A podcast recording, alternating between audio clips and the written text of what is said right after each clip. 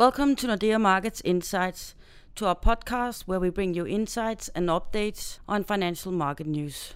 My name is Karina Larsen, and with me I have our senior analyst, Holger Sandte. Welcome, Holger. Thank you. We sure have come off to a hefty start of 2016. We've seen considerable turmoil on the financial markets and rising concern about low inflation and slowdown in growth in both emerging markets and in the euro area. So, Holger, how's it actually going with the euro area economy? Yeah, with the euro area economy, you can always ask whether the glass is half full or half empty. I would say for the moment it's half full. We are in year four of a modest recovery. The economy is growing because um, private consumption is growing. People have more money to spend for a variety of reasons. Oil is cheap, so people spend less on energy. Um, the phase of big tax hikes and spending cuts from the governments is largely over. So economists call that fiscal policy is less uh, restrictive. Unemployment is going down. Uh, it's still high with a 10.5% in the euro area and in some countries closer to 20%, like in Spain and in Greece. But on average, and also in the crisis countries, it is declining.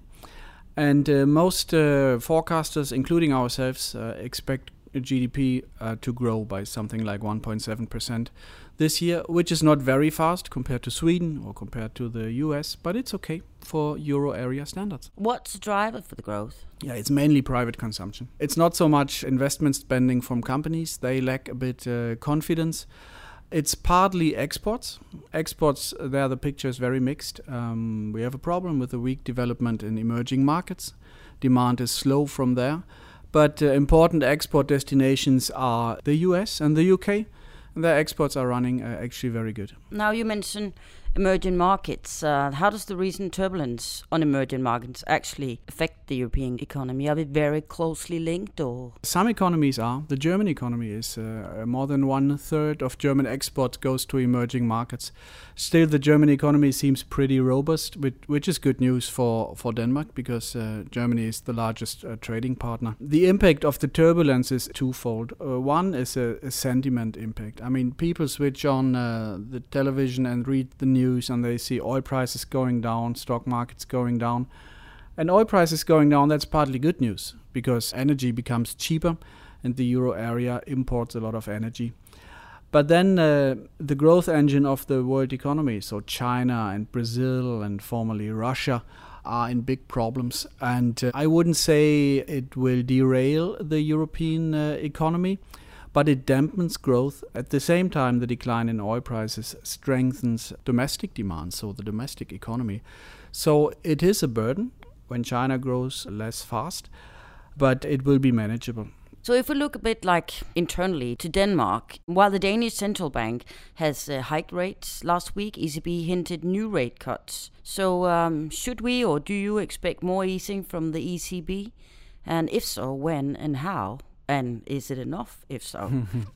yes, yes, we actually do expect more rate cuts and other forms of easing from the ECB. The monetary policy setup in the euro area is much different from, from Denmark. As Denmark steers the Danish crown versus the euro, the ECB has an inflation target. And inflation is close to zero. And if we assume, like we do, that oil prices stay pretty low in the next few months, then the inflation rate in the euro area will likely fall below zero. And uh, a relaxed central bank could say, well, let's just do nothing because it's good for the economy. But for the ECB, the low inflation rate is a double edged sword. It's good on the one hand because it strengthens purchasing power. But on the other hand, inflation is so so low and uh, so long already below the ECB target of 2% that the ECB risks its credibility by just sitting there and hoping for the best. So, what we expect for the meeting in March is a cut in the deposit rate from minus 30 basis points to minus 40. And I also expect the ECB to increase the asset purchases. The ECB buys mainly public sector bonds like government bonds, German bonds, or French bonds 60 billion euros a month, and we expect them to increase that by uh, 10 billion per month. But there must be some risk or something like why just not make the market rule. Why why all these you know measures and easings? Isn't there a risk when doing that all the time? There is a risk. Um, I mean, the chief economist from the ECB he said, uh, if you print money long enough, you always get inflation. Always. The Japanese example shows that it can take uh, years or decades that you get inflation. The risk is obviously that we create bubbles on financial markets. It could be on, on, on real estate market. It could be in the government bond markets. But one of your questions was also, uh, will it help? Mm. And there I'm actually pretty skeptical because uh, monetary policy is not is not really the problem in the euro area. I think the ECB acts because others don't act, because other players in economic policy, like governments, uh, they don't play their role and that's why the ECB feels a need to act. And, and could you be more specific? Who's they? Yeah, they is, for example, the so called reforms. Institutions like the OECD or the International Monetary Fund or the European Commission, they talk all the time about reforming uh, economies, like bringing more people into jobs. For example, uh, making it easier for companies to hire people that may include the possibility that it's also easier to fire people, which, which is the flip side of the coin. And in quite a few countries, the reform eager is pretty low, and one could include Germany into that. But the more striking examples are maybe France uh, and Portugal, where the speed of these reforms is pretty low for, for various reasons. Uh, it's mostly unpopular to do that, and the benefit is only long term.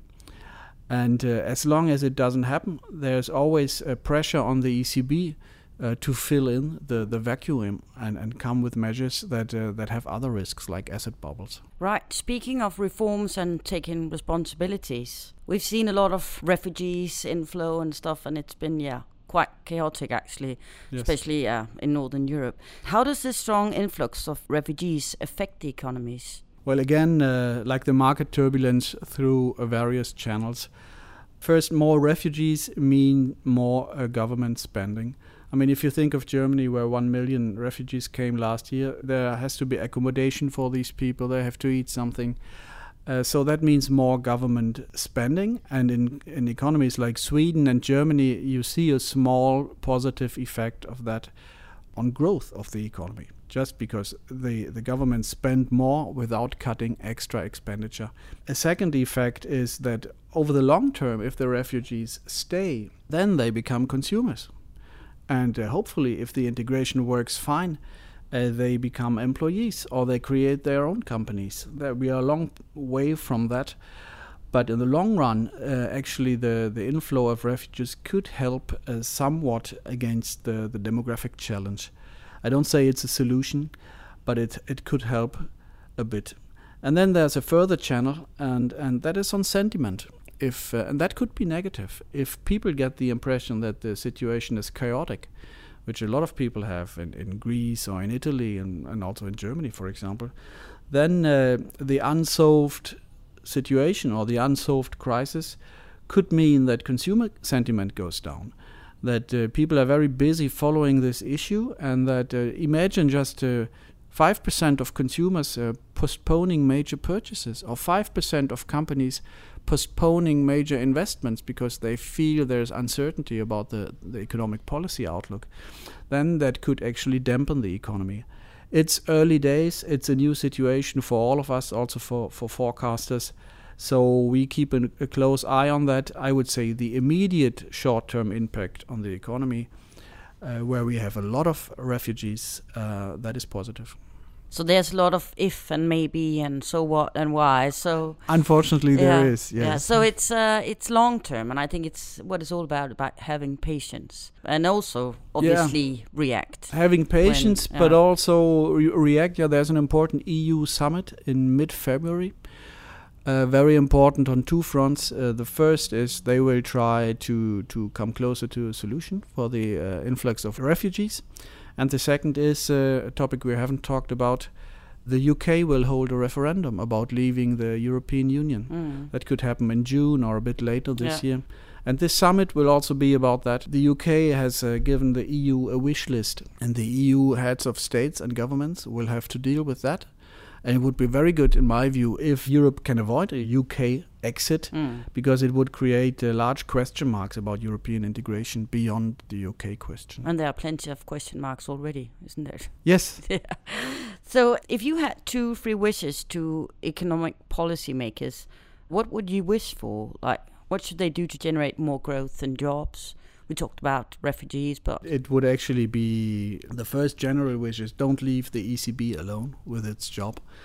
Uh, that wish would go to governments who are responsible, for example, to, to liberalize more on labor markets, to think about if I want to have a strong state, a strong government, what can I afford to do, and where can I maybe cut taxes, and where could, could I maybe cut regulation and make life for, for companies who create jobs more easier. The second one would be uh, I also think governments should spend a bit more money in certain areas like public investment.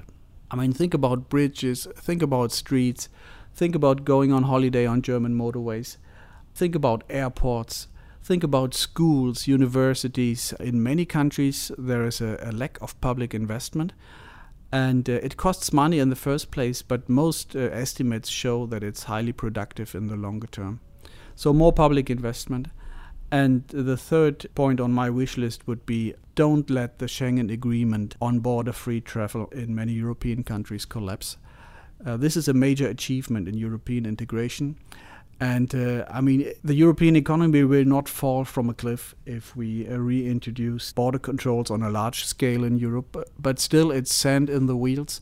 It might be unavoidable for a while, but it would be a major step back if the whole Schengen Agreement collapses. So the, this is my wish list.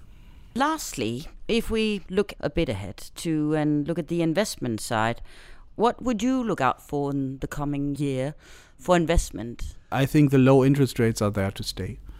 Uh, we talked about central bank rates, which are partly negative, but if you look at, for example, at the government bond market, the risk is very much on one side that you lose some money. So, as long as the economy you're interested in, Europe or the world economy, as long as it is growing, then also profits will grow. And then it's probably a good idea to invest in equities. Uh, that may not give a positive result in each and every year. But over the longer run, that, that means three years plus, maybe five years, it's usually a very good investment to do that. Also in times of trouble, like we've seen in January. I, I don't believe in gold. It, there's not even interest rate uh, on that. You have to protect it. You have to store it somewhere. I don't believe in that. So of course, every case is different, and it depends on, on a lot of things and on the risk profile. But uh, I would be cautious with government bonds. I would be happier uh, with equities over a longer term. Right, it's going to be interesting. Thank you so much for the insight, Holger. Welcome. Thank you for listening in. If you'd like more information and updates on the global market situation, you can visit us on nordeamarkets.com insights. You can find our research and Holger's fresh analysis on nexus.nordea.com. And you can also meet us at LinkedIn and follow our analysts on Twitter. We'll be back with new updates next week, so stay tuned.